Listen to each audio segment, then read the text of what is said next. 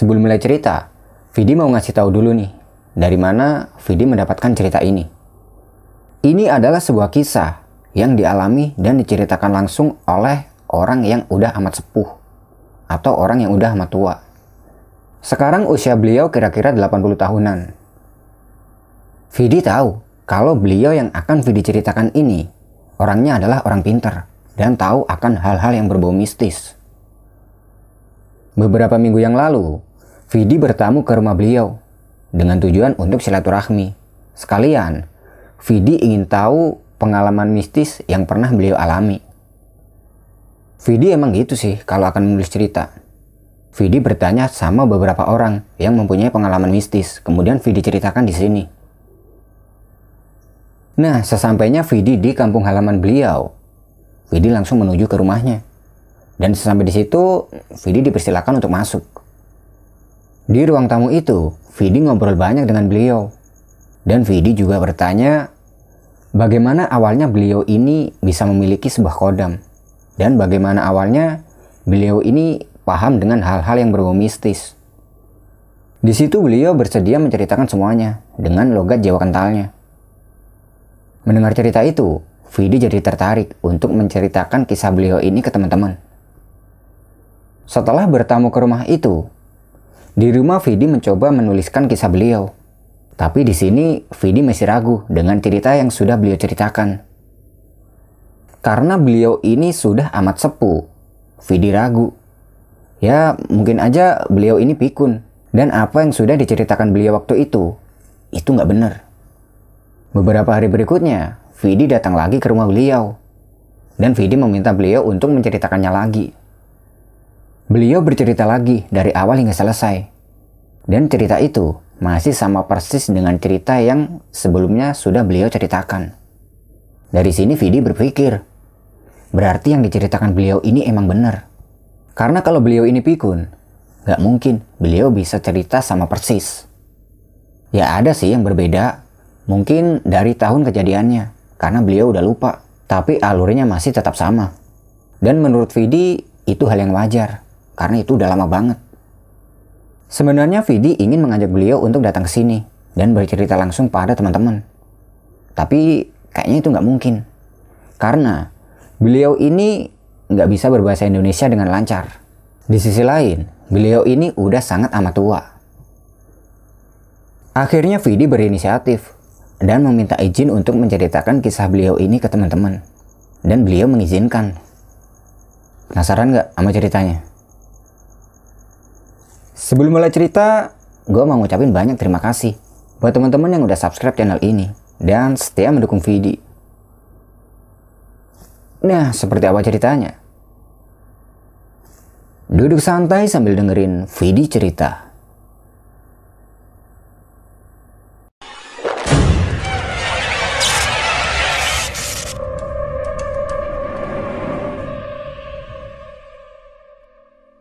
Kisah ini berawal di tahun 30-an. Sekitar tahun 1939, hiduplah seorang anak di sebuah desa terpencil yang ada di Jawa Timur. Sebut saja dia ini adalah Jalil. Jalil adalah anak keempat dari tujuh bersaudara. Dia berasal dari keluarga yang sangat tidak mampu. Kalau orang zaman dulu kan mereka kalau punya anak itu banyak banget karena mungkin zaman dulu belum ada yang namanya KB. Di tahun 1939 itu, umurnya Jalil ini kira-kira ya 10 tahunan. Nah, dari tujuh bersaudara itu, Jalil ini adalah anak yang tidak begitu diperhatikan oleh orang tuanya. Bisa dibilang, Jalil ini adalah orang yang teraniaya. Pada zaman itu, yang namanya kelaparan itu sudah menjadi hal yang biasa, terlebih untuk keluarga yang tidak mampu, seperti Jalil.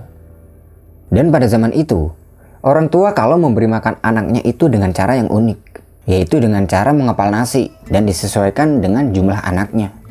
Jadi kalau punya tujuh anak, orang tua itu mengepal nasi sebanyak tujuh kepal, baru kemudian dibagikan ke tujuh anaknya.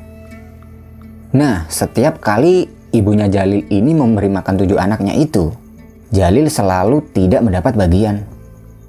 Entah itu disengaja atau tidak, tapi kenyataannya seperti itu. Kalau merasa dirinya lapar, dia pergi ke sawah untuk mencari makanan yang berupa tumbuh-tumbuhan.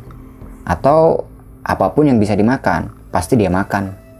Yang sering kali dia makan, itu adalah daun pete. Terkadang juga kalau pas musim buah, dia makan buah-buahan seperti pisang, mangga, asem, dan lain-lain. Tumbuhan apa pun yang bisa dimakan, pasti dia akan memakannya. Perlakuan ibunya ini dialami Jalil selama beberapa tahun. Karena saking seringnya Jalil ini tidak mendapat jatah makanan dari ibunya. Dia kurus banget dan tubuhnya ini sangat tidak terawat. Nah, ketika umur Jalil sudah menginjak kira-kira 13 tahun, perlahan dia mulai bisa berpikir bahwa ibunya ini pilih kasih.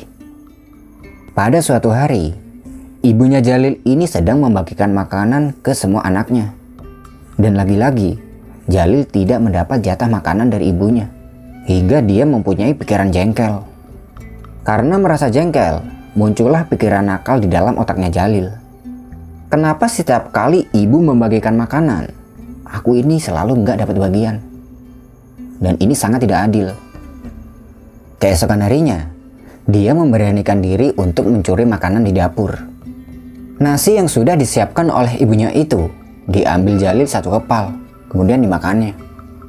Tapi, keberuntungan tidak berpihak pada Jalil.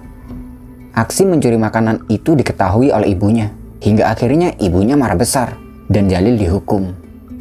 Jalil diikat oleh ibunya di tiang kayu selama seharian penuh dan tidak dikasih makan. Bagi Jalil, hal yang namanya kelaparan itu sudah biasa. Tapi kalau diikat seperti ini, dia merasa sangat tersiksa. Karena merasa tersiksa, Jalil berusaha untuk melepas ikatannya itu. Hingga akhirnya dia bisa terlepas. Setelah terlepas, dia pergi dari rumah. Karena dia takut. Kalau ibunya tahu Jalil ini melepaskan diri, pastinya ibunya akan lebih marah besar. Dia berniat pergi ke sungai, tempat biasa dia mencari makan. Tapi, di perjalanan menuju ke sungai itu, Jalil berpikir, kalau aku pergi ke sungai, pastinya ibu akan tahu. Dan aku bisa dihukum lagi. Nah, jalan menuju ke sungai itu, Jalil harus melewati sebuah hutan bambu. Kalau dalam istilah Jawa, hutan bambu itu adalah barongan. Dia mengurungkan niatnya untuk pergi ke sungai dan berniat untuk bersembunyi di hutan bambu tersebut, di barongan. Di situ dia duduk sambil merenung hidupnya Hingga tidak terasa, Jalil ini menangis. Dalam hati dia bilang, Kenapa ibu ini tega banget kalau sama aku? Hanya karena makanan saja, aku bisa sampai diikat seperti itu. Merasa nyaman di hutan bambu itu, tidak terasa Jalil ini tertidur hingga malam hari. Nah, dari sinilah kisah tentang kodam ini dimulai. Malam itu, ketika Jalil sedang tidur di hutan bambu, dia merasa seperti ada yang membangunkannya.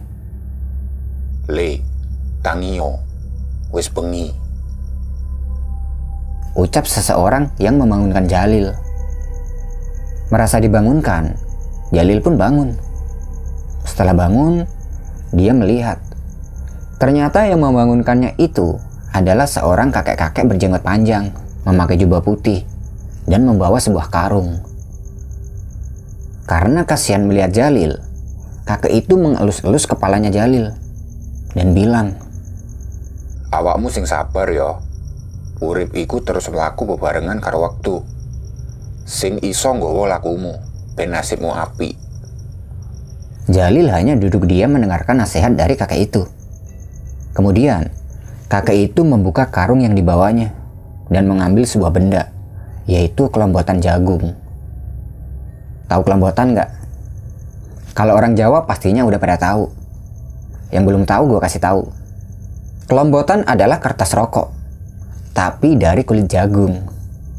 Orang zaman dulu, kalau merokok itu mereka menggunakan tembakau yang dibungkus dengan kulit jagung itu. Kemudian digelintir hingga membentuk sebuah rokok. Baru kemudian dinyalakan dan dihisap. kembali ke cerita. Setelah menerima pemberian dari kakek itu, Jalil bertanya, ini buat apa kek? Nek awakmu genggam iki, menungso liyane gak bakal iso nyawang awakmu. Mendengar itu Jalil hanya diam. Dia masih tidak percaya dengan apa yang sudah dikatakan kakek itu. Kemudian kakek itu pamit pergi dan meninggalkan Jalil. Karena malam semakin larut, Jalil berjalan pulang sambil dia menggenggam pemberian dari kakek itu tadi.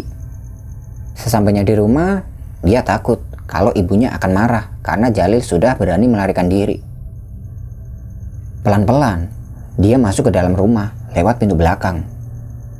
Sesamanya di dalam rumah, terlihat ibunya ini sudah tertidur lelap. Begitu juga dengan saudara-saudaranya. Jalil ikut tidur di sebelah saudara-saudaranya. Sebelum tidur, dia melihat-lihat pemberian dari kakak itu. Sambil dia berpikir, apa benar benda ini bisa membuat orang lain tidak melihatku?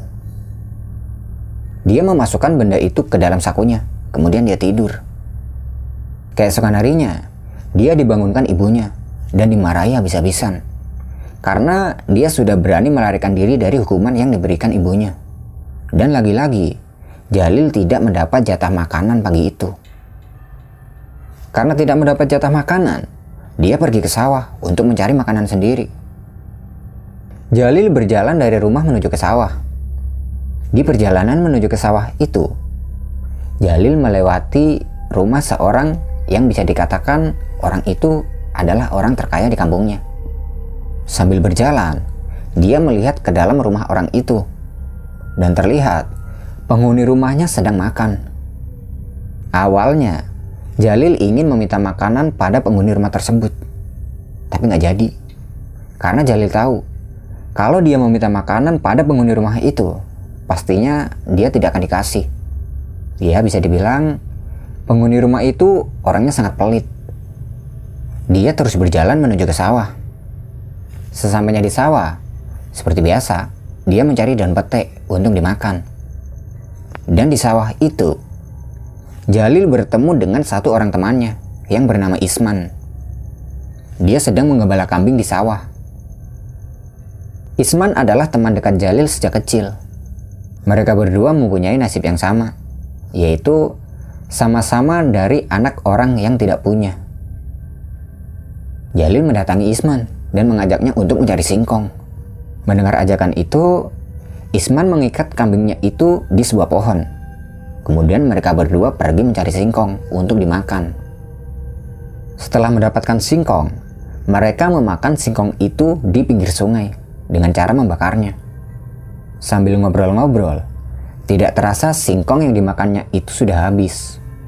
Setelah mereka sama-sama kenyang, Jalil pulang dan Isman, dia kembali ke tempat di mana dia mengikat kambingnya tadi. Sesampai di rumah, Jalil pergi ke kebun belakang rumah. Di situ dia duduk-duduk sambil bersandar pohon. Dan di kebun itu, Jalil ingat kalau semalam dia ini bertemu dengan kakek-kakek dan kakek itu memberinya suatu benda. Dia mengeluarkan benda pemberian dari kakek itu dari sakunya dan memperhatikannya. Ini loh cuma kulit jagung biasa. Mana mungkin orang lain tidak akan bisa melihatku dengan kulit jagung ini. Karena penasaran, Jalil mempraktikkan apa yang sudah dikatakan kakek itu. Dia menggenggam benda itu. Kemudian, dia pergi ke dapur untuk mencari nasi. Sesampai di dapur, terlihat ibunya tidak ada di sana. Jalil mengambil sesuap nasi, kemudian dia memakannya. Di dalam kemudian, terlihat ibu datang ke dapur. Melihat kedatangan ibunya itu, Jalil panik. Tapi sesampainya ibunya di dapur, ibunya ini terlihat biasa aja. Dia tidak menyadari keberadaan Jalil di dapur itu. Perlahan, Jalil keluar dari dapur. Dan sampai Jalil ini keluar dari dapur, ibunya masih tetap tidak menyadari keberadaannya. Jalil kembali ke belakang rumah. Sesampainya di belakang rumah, dia berpikir, Eh, ternyata benar apa yang dikatakan kakek itu. Kalau aku menggenggam benda ini, orang lain tidak bisa melihatku. Jalil merasa senang dengan semua ini. Hari-hari berikutnya, Jalil sudah tidak mengharapkan jatah makanan dari ibunya lagi. Karena dia bisa menggunakan benda itu untuk mengambil makanan di dapur tanpa sepengetahuan ibunya. Tapi, lama-kelamaan Jalil ini merasa kasihan pada ibunya kalau nasinya terus-terusan diambil. Akhirnya Jalil mempunyai pikiran untuk mengambil makanan di rumah orang terkaya di kampungnya itu, yang pelit itu, dengan menggunakan kelombotan ini. Keesokan harinya, dia pergi ke rumah orang itu untuk mengambil nasinya. Pintarnya Jalil, dia kalau mengambil makanan di rumah orang itu tidak banyak-banyak. Dia kalau ngambil makanan itu sedikit demi sedikit, agar pemilik rumah tidak sadar kalau nasinya sudah diambil Jalil. Lagian, nasi dan makanan di rumah itu banyak banget. Kalau diambil sedikit demi sedikit, itu tidak akan ketahuan. Berbulan-bulan Jalil melakukan ini. Hingga akhirnya, dia ini gemuk. Bahkan Jalil ini terlihat paling gemuk di antara saudara-saudaranya. Pada suatu hari, Jalil dan Isman bertemu di pinggir sungai, tempat biasa Isman mengembala kambing. Di situ, Jalil melihat Isman, dia ini semakin kurus dan semakin tidak terawat. Hebatnya orang dulu, meskipun mereka ini jarang makan, mereka susah untuk sakit. Ya mungkin sudah terbiasa dengan keadaan. Di situ Isman mengajak Jalil untuk mencari makanan. Lil, cari singkong yuk. Aku belum makan sejak tadi pagi. Emang kamu gak dikasih makan sama ibumu? Ibuku nggak ada beras buat kita makan. Mendengar jawaban dari Isman barusan, Jalil merasa kasihan pada Isman. Karena dia ini tahu rasanya kelaparan. Kemudian Jalil meminta pada Isman untuk menunggunya di sini. Man, kamu tunggu di sini ya. Aku mau ambilin makanan buat kamu. Dia pergi ke rumah orang kaya itu untuk mengambil makanan. Kemudian makanan itu diberikan pada Isman. Melihat makanan itu, Isman pun bertanya, Lil, kamu dapat makanan enak ini dari mana? Udah nggak penting, yang penting sekarang kamu makan aja. Jawab si Jalil. Dengan lahap, Isman memakan makanan yang diberikan Jalil itu. Hal seperti ini terus-terusan dilakukan oleh Jalil. Hingga lama-kelamaan, Isman pun menjadi gemuk. Tanpa Jalil memberitahunya dari mana dia mendapatkan makanan ini.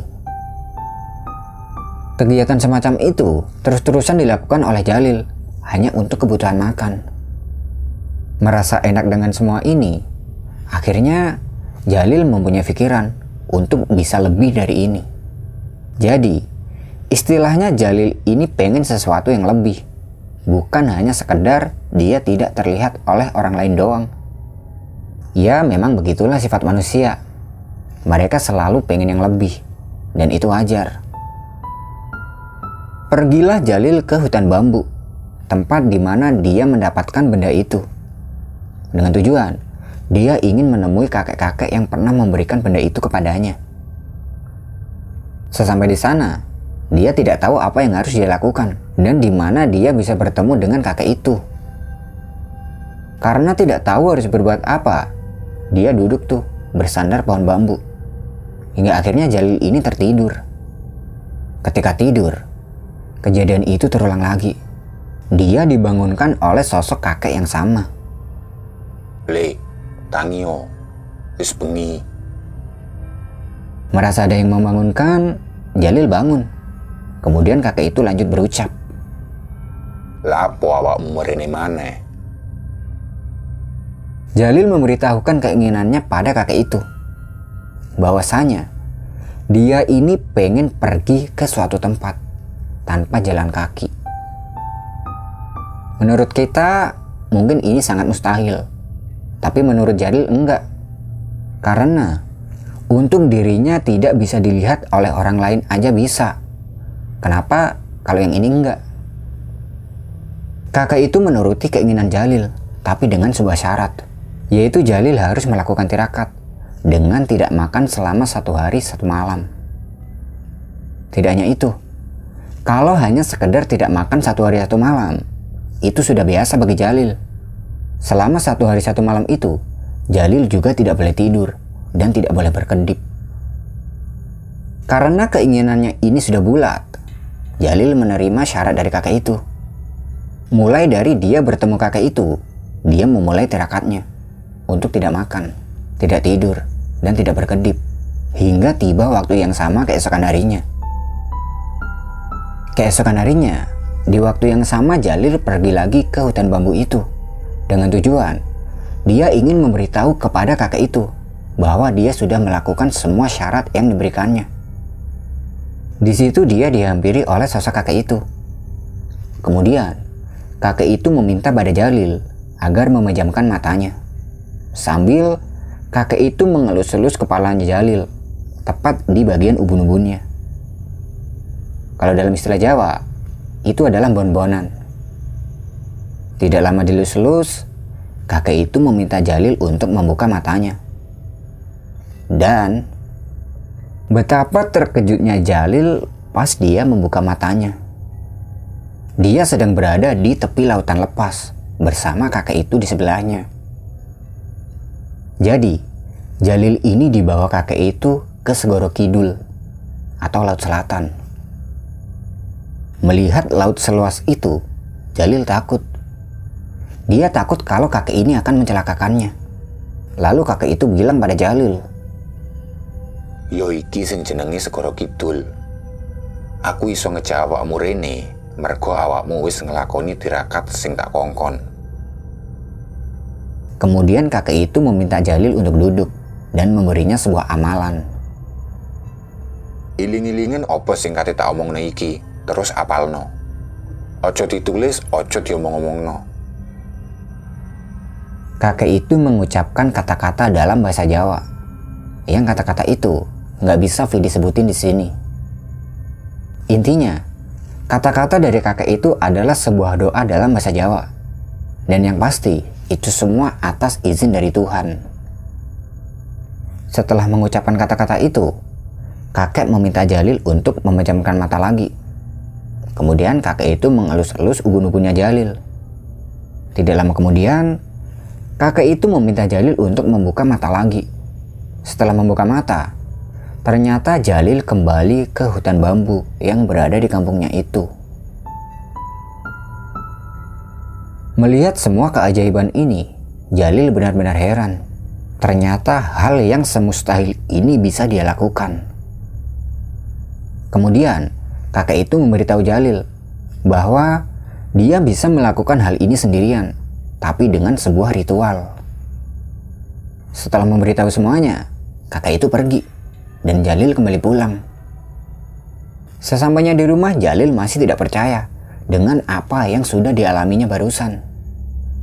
Keesokan harinya, dia coba mempraktikkan apa yang sudah diajarkan oleh kakek itu. Dia pergi ke kebun belakang rumah dan mempraktikannya di situ. Setelah melakukan sebuah ritual, Jalil ini pergi ke sungai, tempat biasa dia mencari makanan. Dan benar saja, dalam waktu sesingkat itu, Jalil bisa sampai di pinggir sungai tersebut. Di sana dia melihat Isman dengan kegiatannya, yaitu mengembala kambing. Kemudian Jalil menghampiri Isman dan menyapanya. Tapi ada yang aneh. Isman sama sekali tidak merespon sapaan Jalil. Bahkan, dia ini tidak menyadari keberadaan Jalil di situ. Di situ Jalil heran. Kok bisa-bisanya Jalil berdiri di depan Isman, tapi Isman tidak menyadarinya. Akhirnya dia jalan kaki pulang. Sesampai di rumah, dia ingat kalau tadi dia pergi ke sungai itu dengan sebuah ritual. Mengingat itu, dia langsung pergi ke belakang rumah. Sesampainya di belakang rumah, Jalil ini melihat kalau dirinya sedang tidur. Dari sini Jalil tahu sesuatu. Bahwasanya yang pergi ke sungai tadi itu adalah jiwanya, tidak bersama raganya. Ya pantas saja tadi Isman tidak menyadari keberadaan Jalil meskipun di depannya. Mulai saat itu, kalau malam hari ketika Jalil ini sedang tidur, dia selalu menggunakan itu untuk pergi ke hutan bambu untuk menemui kakek Tapi dia pergi ke hutan bambu itu tidak dengan raganya. Karena dia tahu, kalau terus-terusan dia pergi ke hutan bambu itu secara kasat mata, pastinya orang lain dan ibunya akan curiga dengan apa yang dia lakukan. Karena saking seringnya ke sana, akhirnya Jalil pun semakin dekat dengan kakek itu. Dan Jalil juga banyak belajar tentang ilmu Jawa pada kakek itu. Hingga akhirnya, kakek itu bersedia untuk ikut bersama Jalil sebagai kodam. Hari berganti hari hingga berganti tahun. Selama hidupnya itu, Jalil sudah banyak belajar tentang ilmu kejawen dari kakek itu. Bahkan, Jalil bisa meminta tolong pada kakek itu untuk menyembuhkan orang yang sakit akibat gangguan jiwa. Di umurnya sudah kesekian tahun, Jalil ini pernah menjadi seorang dalang wayang. Pernah juga pada suatu hari, Jalil ini dimintai tolong oleh seorang kolektor benda pusaka untuk mencarikan sebuah mustika dan akan dibelinya dengan harga mahal, yaitu mustika merah delima. Secara ilmiah, mustika merah delima adalah sebuah batu permata. Batu yang dibentuk dari hasil proses geologi yang unsurnya terdiri atas satu atau beberapa komponen ilmiah yang mempunyai harga jual tinggi dan diminati oleh para kolektor. Batu merah delima dipercaya mempunyai kekuatan, yaitu bisa kebal dari senjata apa pun, baik yang zohir maupun gaib. Bisa juga digunakan untuk pengobatan segala jenis penyakit, dan mampu mengubah warna air dalam gelas menjadi merah darah. Jalil meminta tolong pada kakek itu untuk mencari batu tersebut. Yang batu itu adanya hanya di Laut Selatan. Hingga akhirnya Jalil bisa mendapatkan batu mustika itu dan dibeli sama kolektor itu dengan harga mahal. Kodam yang bersama Jalil itu adalah baik. Kalau tidak baik, yang terjadi akan sebaliknya. Dia akan meminta kepada Jalil, bukan Jalil yang meminta kepadanya. Seperti minta tumbal atau yang lain. Sampai sekarang, usia Mbak Jalil ini kurang lebih sudah 80 tahunan. Dan sampai sekarang, beliau masih bersama kodam itu.